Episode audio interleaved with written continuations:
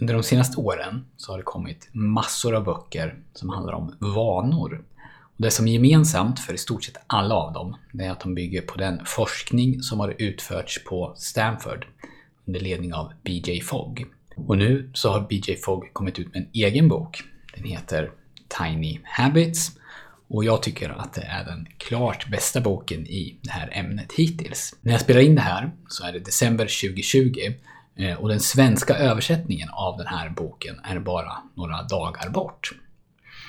En vana, det är ett beteende som sker med en viss grad av automation. Och vad det betyder, det är att det går lite av sig självt.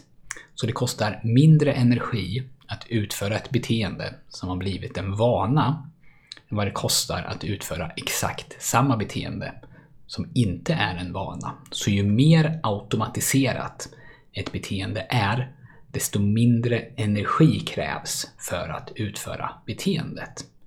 Om du till exempel har en väl utvecklad träningsvana så är det generellt sett inga problem för dig att komma iväg till gymmet. Det kostar ingen mental energi att komma dit. Det spelar inte så stor roll om du känner för det eller inte, eller huruvida du är trött eller inte, eller vad det är för väder. Utan du bara gör det. Det går i någon mån automatiskt. För de som inte har gjort träningen till en vana så kan det tvärtom kosta massor med energi att komma iväg. Och alla de här hindren som jag nyss rabblade upp gör det ännu svårare och kostnaden blir ännu högre.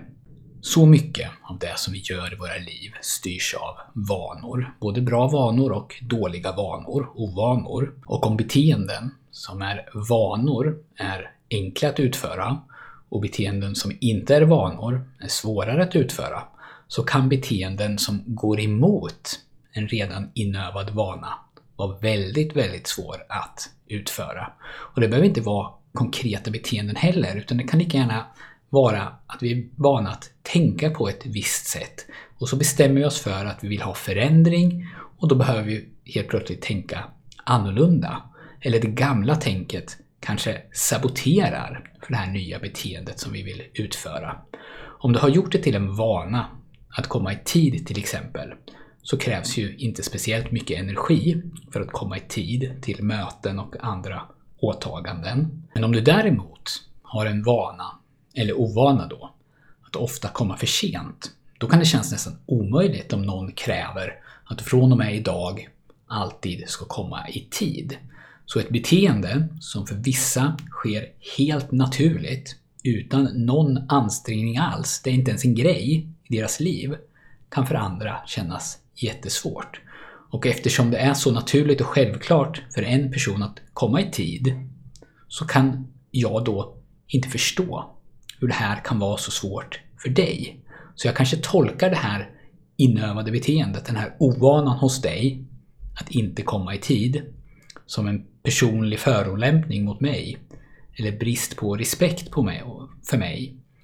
När det absolut inte alls behöver vara så. Så vanor är otroligt kraftfulla, både på gott och på ont. Och det finns mycket att vinna på att börja titta på sina beteenden, på hur man vill bete sig och fundera på om man kan börja designa de här beteendena så att de börjar att bli till vanor. Men mer om det framöver.